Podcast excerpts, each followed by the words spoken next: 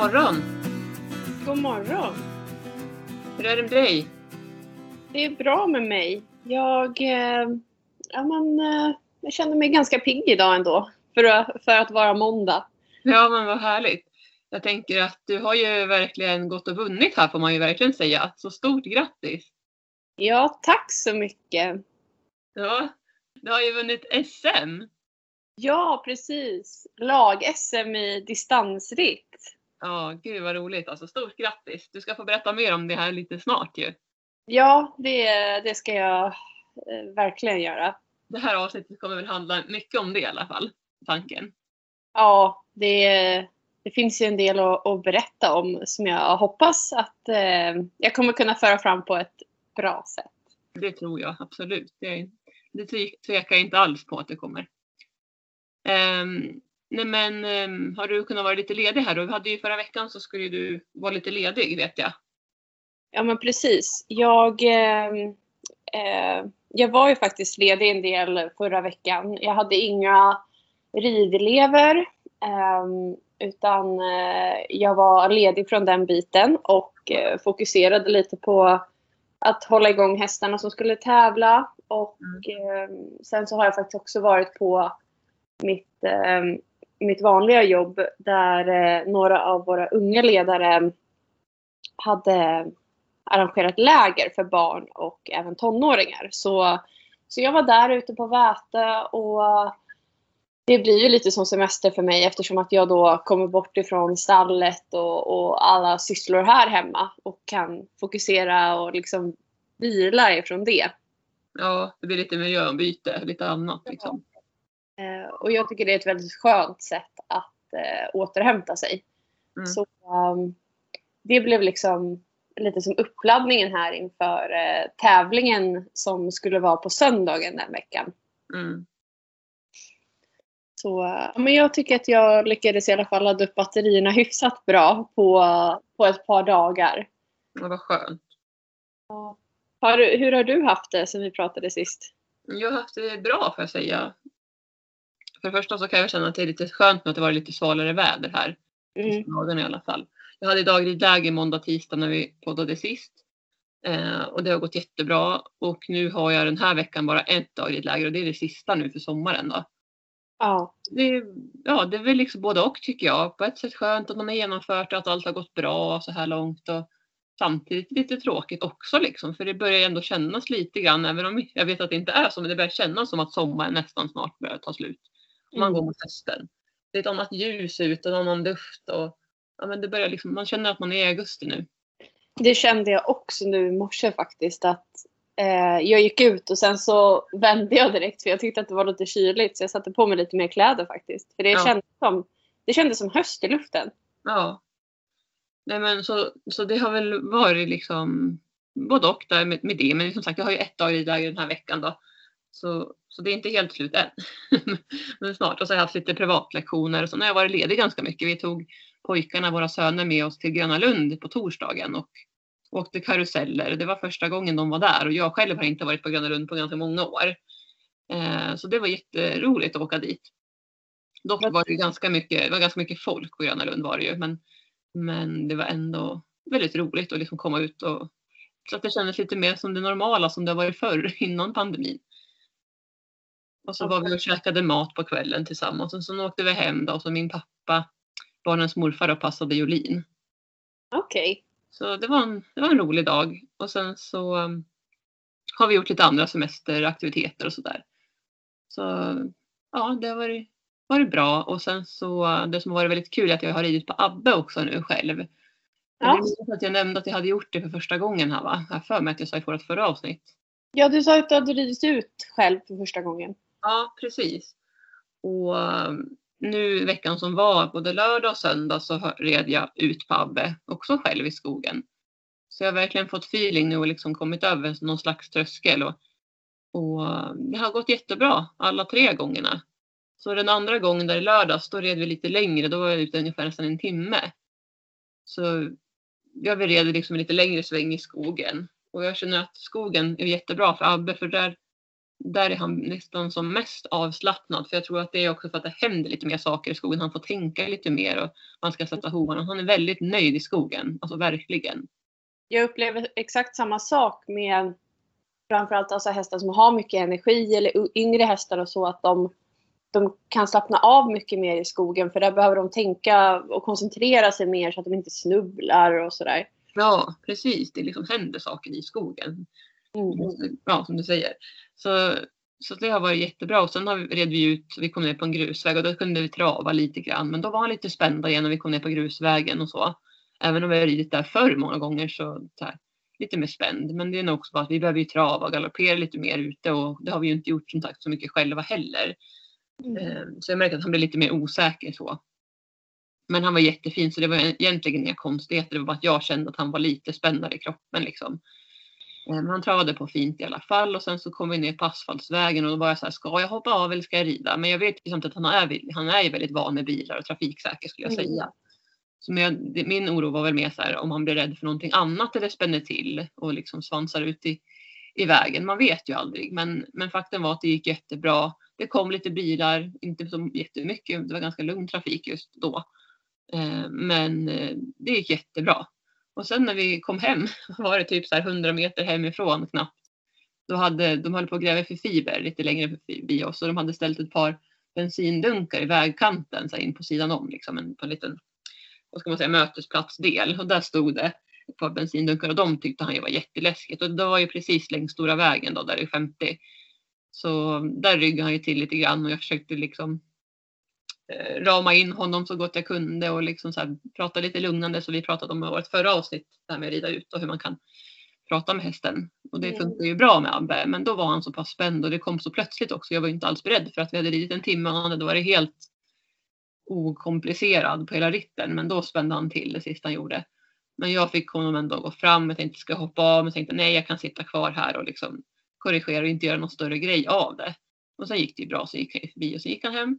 Um, så att uh, ja, det var en väldigt bra ritt och sen dagen efter då på, på söndagen då var det en lite kortare sväng igen. Den samma som vi red gången innan, den första gången jag red ut själv med honom.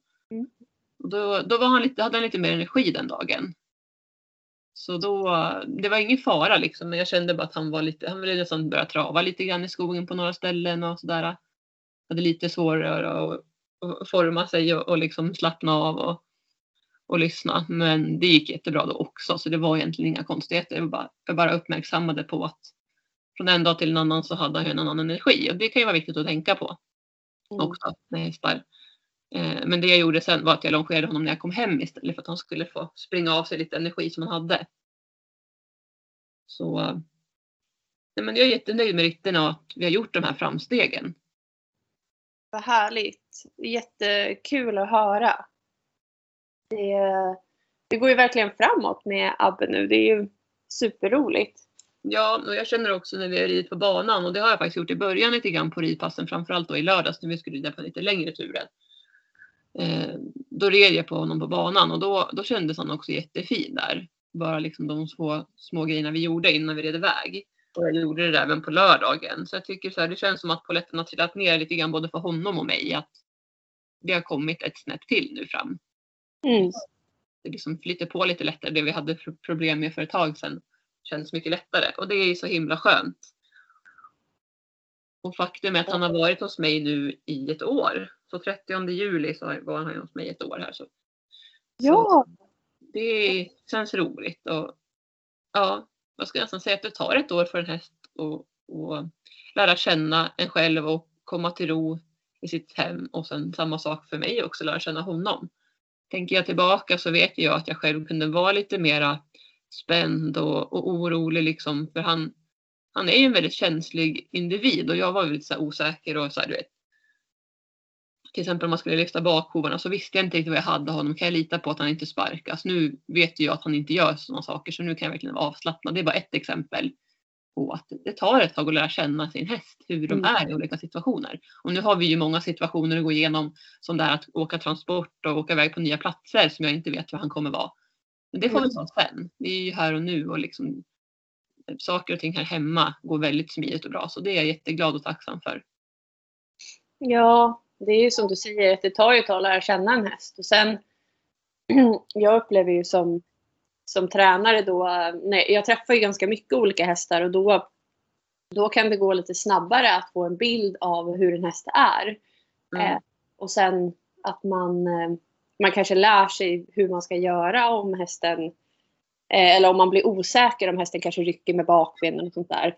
Ja. Eh, och det är ju faktiskt en väldigt viktig sak att tänka på ibland. För eh, jag fått tänka på det lite mer nu när man har elever som kommer och de ska kratta hovarna och sådär. Och jag- vet ju exakt hur jag brukar göra om hästen rycker med benet. Men Mm. det vet inte alla. Alla har inte upplevt det liksom. Så att Men precis. det, eh, ja, men det, det tar ett tag att lära känna hästen. Det Men gör det. jag det- tror, ja, jag tycker det är jättehärligt att, alltså, jag har ju följt, följt er hela resan och eh, Abbe har ju verkligen ändrat sig verk, verkar det som. Att han, Ja, det har han verkligen gjort. han verkar ha blivit trygg i sig själv. Ja, och det säger många som är här också, som kommer hit, framförallt de vuxna också säger det. Liksom, Gud vilken skillnad.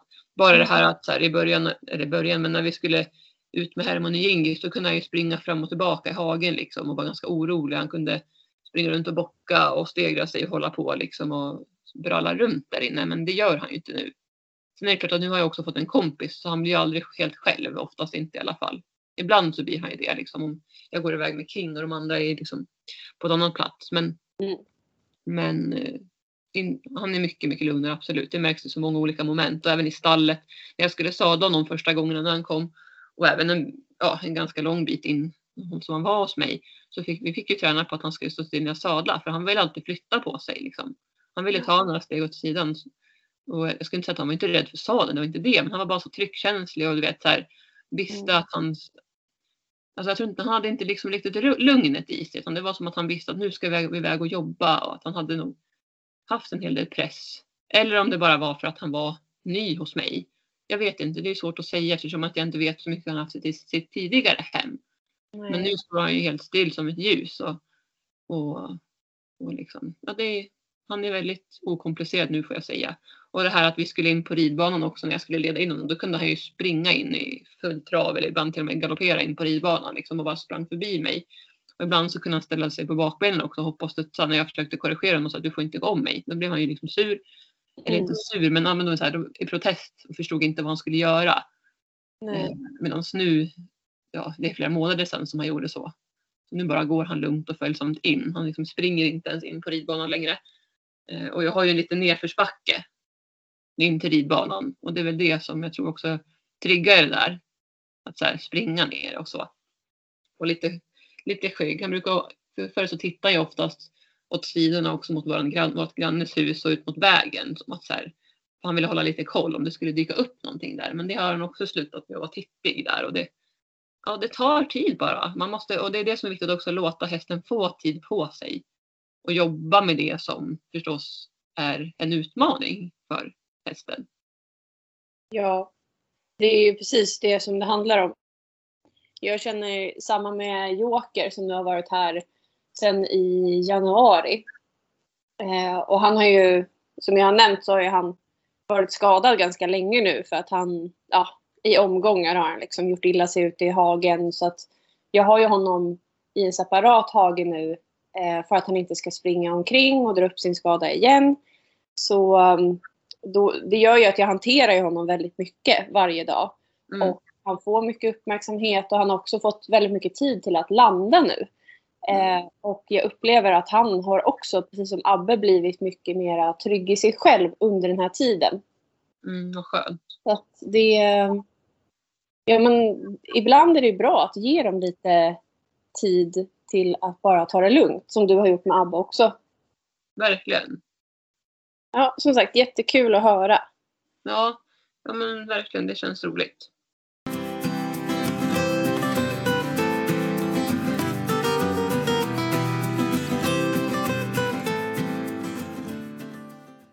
Men nu får du gärna berätta mer om tävlingen. Berätta, hur, berätta Ja. allting, tänkte jag säga. Jag vill veta allt. För det första, hur känns det att vinna? Hur, hur känns det att vinna SM? Det, alltså, det känns ju lite overkligt. Ja. Eh, jag har faktiskt ett tidigare SM-guld just i lag och det var fem år sedan vi tog det. Så det var liksom, ja, på fem år så, vi har ju tagit medalj, eh, silver och brons har vi ju tagit något år eh, här emellan. Men det var, det var som sagt fem år sedan vi tog SM-guld och man har ju varit sugen på att ta det igen. Mm. Men det har varit väldigt hård konkurrens. På, alltså vi har väldigt mycket bra hästar och ryttare i Sverige tycker jag på 8 mils nivå som, som lag-SM går på.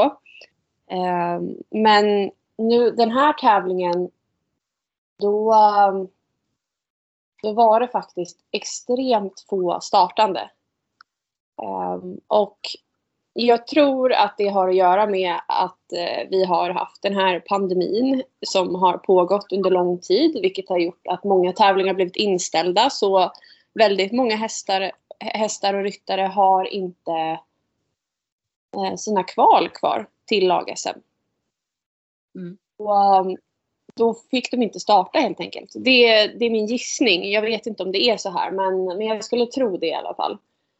Sen eh, var det också det att samma helg som den här eh, lag-SM-tävlingen hölls så var det också en internationell ritt i Danmark. Och eh, då fick ju folk välja liksom, vad vill vi göra mest? Lag-SM eller internationell ritt? Och eh, vill man då kvala vidare uppåt i klasserna, ja, då väljer man den internationella. Så det var bara tre lag som startade på lag-SM. Men jag skulle ändå säga att de hästarna som startade, det var ju inga, alltså det var ju bra hästar. Så även om det var eh, dåligt med lag som ställde upp så var ändå de lagen som var med duktiga och um, rutinerade. Mm. Och vi hade då ett lag. Jag tävlar för Roslagens rid och körklubb. Sen eh, så var det Mälardalens distansryttarförening som också var arrangörer av tävlingen. De eh, hade två lag. Och eh, alltså eftersom det var hemmaklubben så kan jag tänka mig att de kanske var lite eh, favorittippade eller så. Eller i alla fall att de många som var där som var funktionärer kanske hoppades på att de skulle vinna för att ja, som sagt, det var deras hemma, hemmaklubb som arrangerade. Ja. Men eh, saken var den att vi hade fyra ryttare i vårt lag i Roslagens rid och körklubb. Och Mälardalen, de hade två lag men med bara tre ryttare per lag.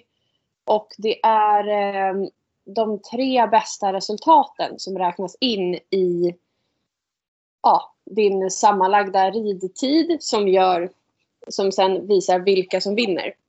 Okej. Eh, Så att vi hade ju på ett sätt råd då att tappa en ryttare och ändå hade vi då tre kvar för att räkna in i det här resultatet. Ja. Medan Mälardalen då hade bara tre ryttare eh, i respektive lag och kanske då behövde vara lite mer försiktiga med att, eh, alltså de vill ju inte bli uteslutna liksom. Nej. Så om man blir utesluten och har bara då två ryttare som blir godkända till exempel. Då får den tredje ryttaren plus 20 timmar i sitt resultat. Och det är väldigt mycket. Mm. Så um, vi, um, ja, men vi gick ut på um, första slingan. Och um, ja, vi var ju tio ekipage totalt. Och jag kan säga att jag hade ju tänkt att vi skulle hålla en viss hastighet eh, som ändå var liksom mycket galopp och blandat med lite trav. Men alla höll ju ihop i stort sett hela första slingan. Och det Alltså så här, han var så taggad och Caruso han var också väldigt taggad så det var, det var verkligen sådär att alltså, jag fick hålla i mig. För Ja. han, eh, så här, han eh, var så stark och han ville liksom framåt och han studsade till ibland sådär, eh, liksom fick syn på någonting, studsade till upp i luften, så det blir så att man, man bara flyger upp liksom. Så jag tappade i stigbygeln någon gång och kände Mm. bara oj oj. Ja, här får man verkligen hålla i sig. Mm. Men eh, ja, sen efter, efter en bit in på första slingan så lyckades jag och Nicole då, som red Caruso hamna före de andra ryttarna. Och vi fick med oss då våra andra två lagkompisar, Mikaela och eh, Isabella. Mm. Och det var jätteskönt att ligga först en bit för att då kunde ju vi bestämma tempot och liksom hålla de andra bakom oss. Just det. Men eh, alltså det var verkligen typ en häxjakt där ute på banan för att jag tror att Mälardalen, jag vet inte, men de kanske hade pratat ihop sig i sina två lag om att de såklart ville ha medaljer till sin hemmaklubb. Mm. Och uh, alla i deras, eh, deras två lag turades om liksom att ibland rida om oss eh, i galopp och liksom lägga sig före och bestämma tempot och sådär. Alltså det kändes som att de hade mycket taktik. Eh, det gjorde ju, alltså min häst han blev ju väldigt stressad av det här. Mm. Så deras taktik var att hetsa upp våra hästar så funkar det ju verkligen på så här i alla fall. För att han blev ju, alltså det var jättesvårt att rida honom. Jag blev verkligen trött liksom i armar och allting.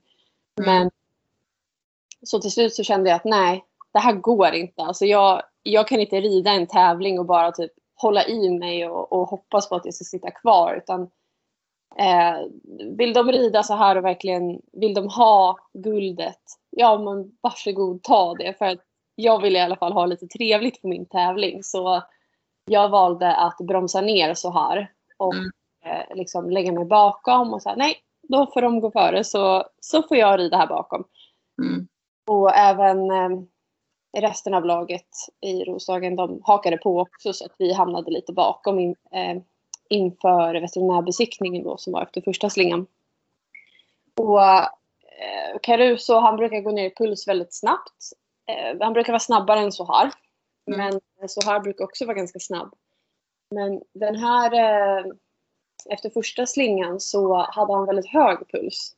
Där han låg liksom på 80-90 eh, och gick inte ner heller när vi kylde honom. Och jag tänkte att oj, men är han så uppe i varv liksom att han inte går ner i puls? För det brukar han inte bli. Nej. Men, ehm, eh, han såg inte heller så stressad ut. Och så sa jag då till Nicole att ja, men, gå in med Caruso till veterinären för att det var onödigt att du väntar på mig. Liksom. Det, gå in. Och så fortsatte vi att kyla så här.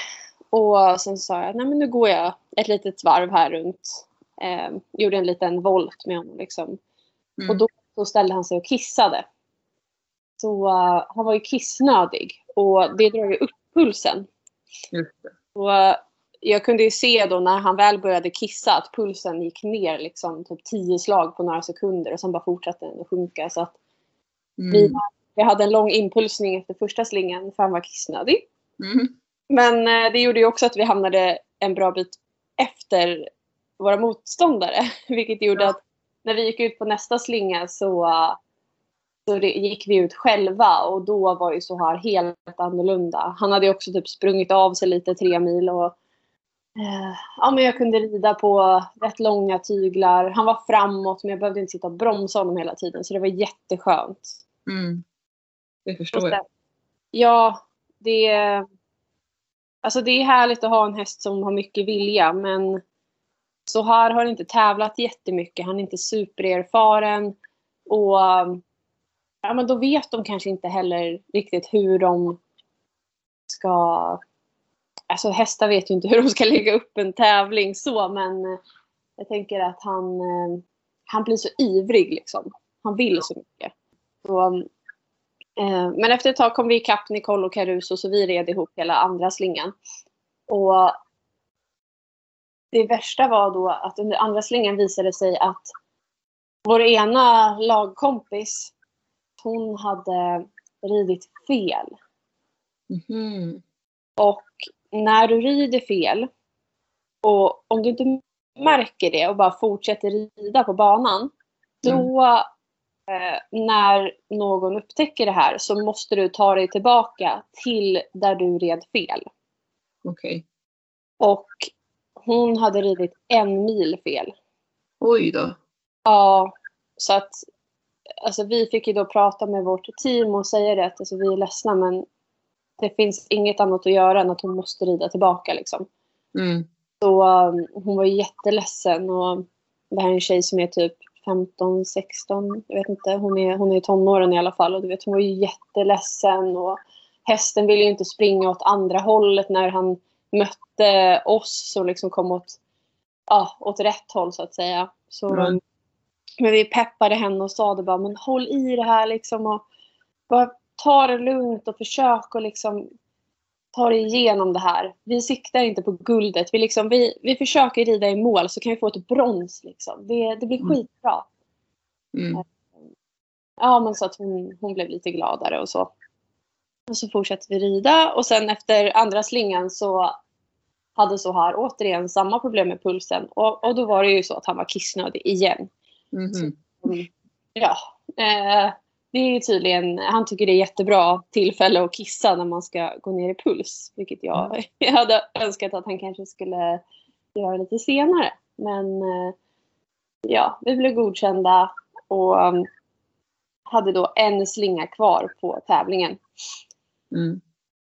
Och eh, efter första slingan så hade ju också vår ena lagkompis eh, Mikaela blivit utesluten med sin häst för att den blev lite stel i, i bakdelen. Så vi hade ju då bara mig, Nicole och eh, Isabella kvar. Och Isabella hade ju då ridit en mil fel.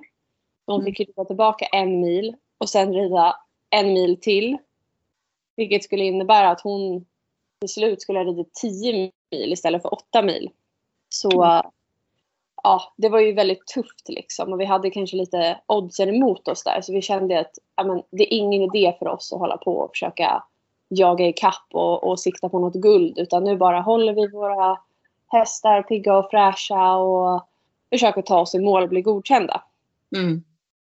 Men eh, Nicole hon fick gå ut innan mig då på sista slingan eftersom Caruso pulsade in snabbare igen. Och hon höll ett lite högre tempo än vad jag gjorde med Sohar. För att Sohar hade en liten svacka. Han hade inte druckit så jättebra. Han hade inga anmärkningar i veterinärkontrollen men ja, jag kände att han var lite trött. Mm. Ja, vi galopperade liksom i ett lugnt tempo. När vi kom in i skogen där det var mycket så här knixiga stigar med stenar och så, då satte jag av och gick bredvid honom och matade honom lite i farten och så för att få upp mera energi i honom. Ja. Och sen när vi kom och mötte vårt team på första stället, ja men då drack han och då blev jag jätteglad och direkt efter det kände jag att han fick upp energin igen så vi red på. Och så um, ja, kom vi i mål och då hade Nicole typ kommit i mål kanske tio minuter innan eller så och hon hade blivit godkänd så att det var så jätteskönt. Jag visste att okej, okay, Caruso blev godkänd. Yes. Mm. Um, ja, och så uh, besiktade jag då så här till slut och vi blev godkända. Mm. Um, och um, det kändes jätteskönt. Och så, um, ja, då var det ju bara kvar att vänta på Isabella som var ute på sista slingan. Eller om hon skulle gå ut på sista slingan. Alltså hon var ju långt efter. Vi Ja. timmar liksom. Så um, vi gick till viloområdet och väntade. Och där så hade jag ju också tre av mina andra hästar som hade gått en sån här clear round med eh, några av ryttarna från stallet. Ja. Så de hade gått fyra mil och allihopa var godkända. Så alla mina fem hästar som åkte dit blev eh, godkända. Och eh, ja, men alltså, det kunde inte vara bättre. Liksom. Jag jätteglad och alla ryttarna var glada och gromarna som har hjälpt till var jätteglada. Solen sken och ja, vi, vi fixade och donade där på tävlingsplatsen och bara väntade.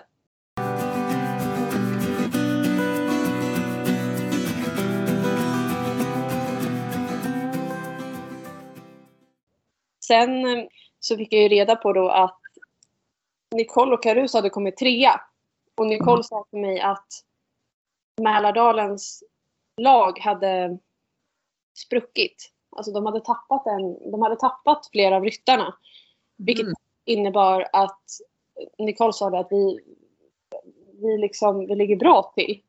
Jag tänkte, jaha, okej. Okay. Och sen kom vår lagledare och sa det att eh, som det ser ut nu så borde vi ha guldet även om inte Isabella kommer i mål. Oj, ja. Bara, Nej men va? Och jag vågade inte riktigt tro på det så jag gick in själv och kollade i resultatlistan och liksom räknade. Och då räknar man ju ihop eh, tiden på de ryttarna, de främsta tre ryttarna i laget. Ja. Men har du då inte tre ryttare, som till exempel Mälardalen hade i sitt ena lag bara två ryttare kvar. Då blir ju eh, det tredje resultatet eh, ifrån en ryttare som har blivit utesluten. Och då blir det den tiden ryttaren har ridit plus 20 timmar ridtid. Och det är som sagt jättemycket. Um, I slutet av dagen när hela resultatet kom för vårt lag, då hade vi 17 timmar någonting ridtid. Mm. Eh, så att ja, det säger ganska mycket om hur mycket 20 timmar är. Ja. Men ehm, eh, ja, det var väldigt spännande. Så jag ringde ju till de som var ute på banan och, och hjälpte Isabella och sa liksom att det verkar som att vi kommer få guldet oavsett hur det går. Men så här, peppa Isabella och bara försöka få henne i mål. Eh, och så, till slut så kom ju hon då och hästen såg jättefin ut. Och när den veterinärbesiktades så såg den pigg och fräsch ut och hon blev godkänd. Gud vad roligt. Ja, så att mm. vi, eh, vi blev ju ganska snart då efter det meddelade att vi hade guldet. Och ja, det var verkligen en härlig känsla. Det förstår jag verkligen. Alltså, gud vad bra jobbat av alla. Ja, tack. Det var bra kämpat av Isabella också trots att hon red fel och att hon faktiskt red i mål. Och det måste ju vara en jätte, mm. jättehärlig känsla för henne också och bra att ni kunde peppa henne dit. Vägleda. Jag tyckte det var typ det finaste med, med dagen att, att hon verkligen tog sig igenom det. För att mm. det är, jag tänkte själv på det när jag var ute på slinga 2. För det var jättemycket svängar och sådär och då är det rätt. Eh, det är lätt att missa en markering. Vi har ja. ju liksom svängpilar när vi ska svänga vänster eller höger och sådär. Men det satt så många olika skyltar ute och då gäller det verkligen att vara koncentrerad och se vart du ska. Mm. Så jag tänkte på det att alltså, rider jag fel nu då bryter jag. Mm. För att det är så tungt mentalt att göra det.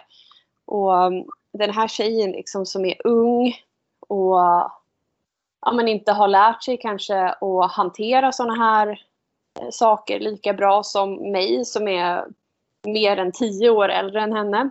Mm. Så ja, det var så imponerande att hon, att hon tog sig igenom det och det var så välförtjänt att hon blev godkänd.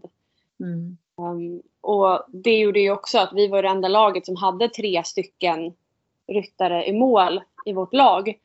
Och det gjorde då att vi vann med ganska många timmar mot eh, vad tvåan hade. Mm. Och, um, ja, men det, var, det var verkligen en superhärlig dag med så mycket glädje och energi. Och alla liksom peppade varandra i, i vårt lag. Och ja, men vi hade sån positiv anda så att man... Eh, ja, det var en sån här tävling man kan leva på länge. Mm, det förstår jag verkligen. Och det känns ju verkligen efter det du också berättar att ni verkligen var värda guldet alltså. Bra sammanhållning och bra kämpat av alla. Ja, tack så mycket.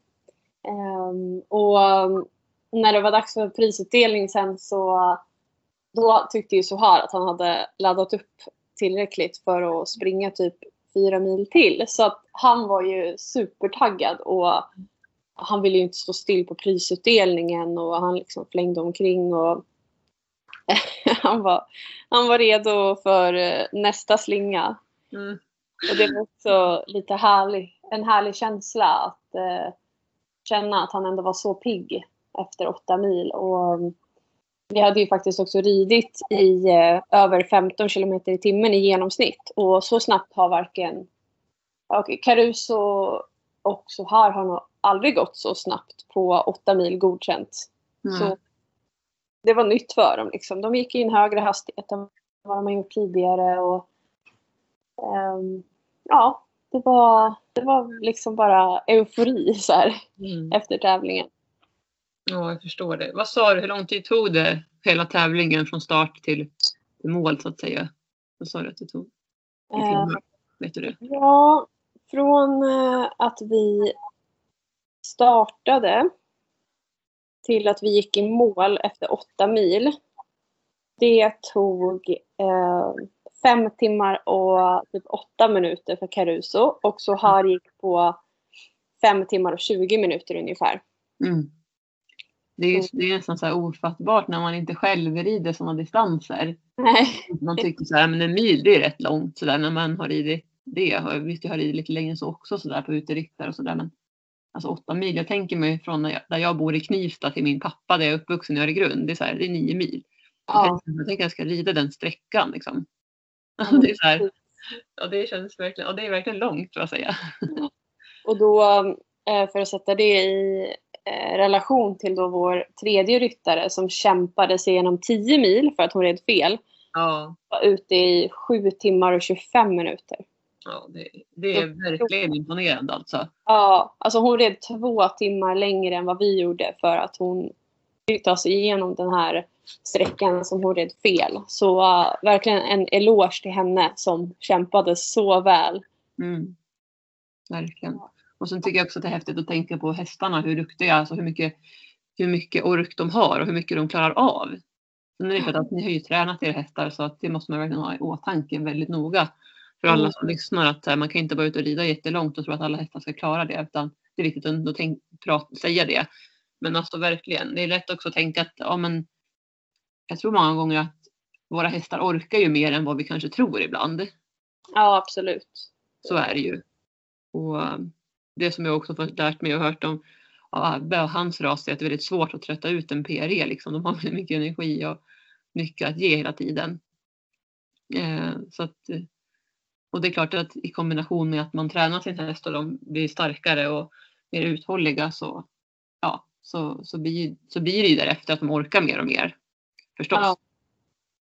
Men det är verkligen imponerande av era hästar också att här, klara av det, de distanserna och att de är så fina. Och, och som din häst som fortfarande hade en massa energi efter tävlingen. Ja, men det, det är verkligen en prestation. Och jag ska säga att det, är- det var ju inte bara liksom att rida och tro att man skulle bli godkänd. Utan det är så mycket, många faktorer som spelar in. Mm. Och alltså, vi kämpar verkligen med Caruso för att han har, han har väldigt känsliga karleder. Och de spricker jättelätt. Och det gör att eh, alltså han, han kan bli halt av det. För att det gör ju ont att få. Det blir som en självspricka liksom i huden.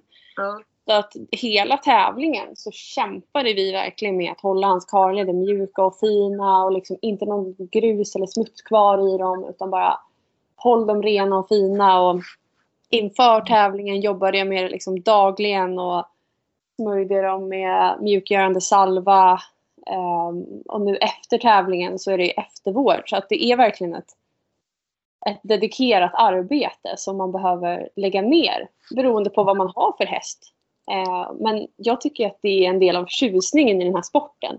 Att det är inte bara liksom att sadla upp och rida i full fart. Utan det är så Mm. mycket mer bakom en prestation. Verkligen. Ja, det förstår jag.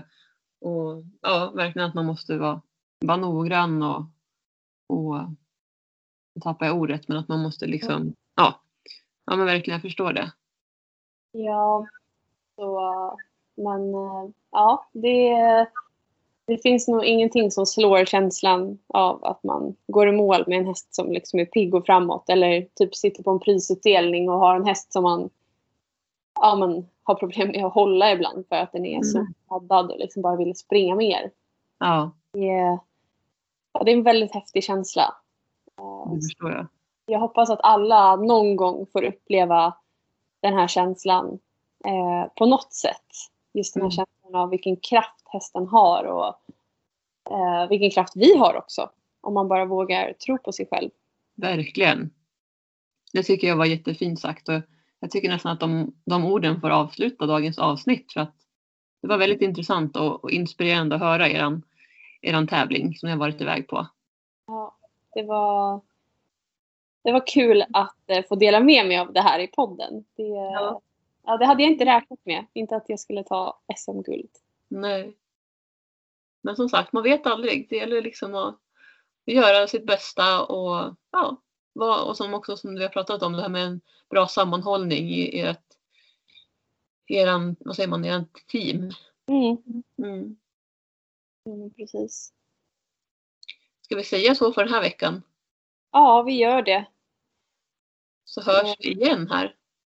Det gör vi. Så ska jag försöka att återhämta mig, smälta alla känslor ännu bättre den här Ja. veckan.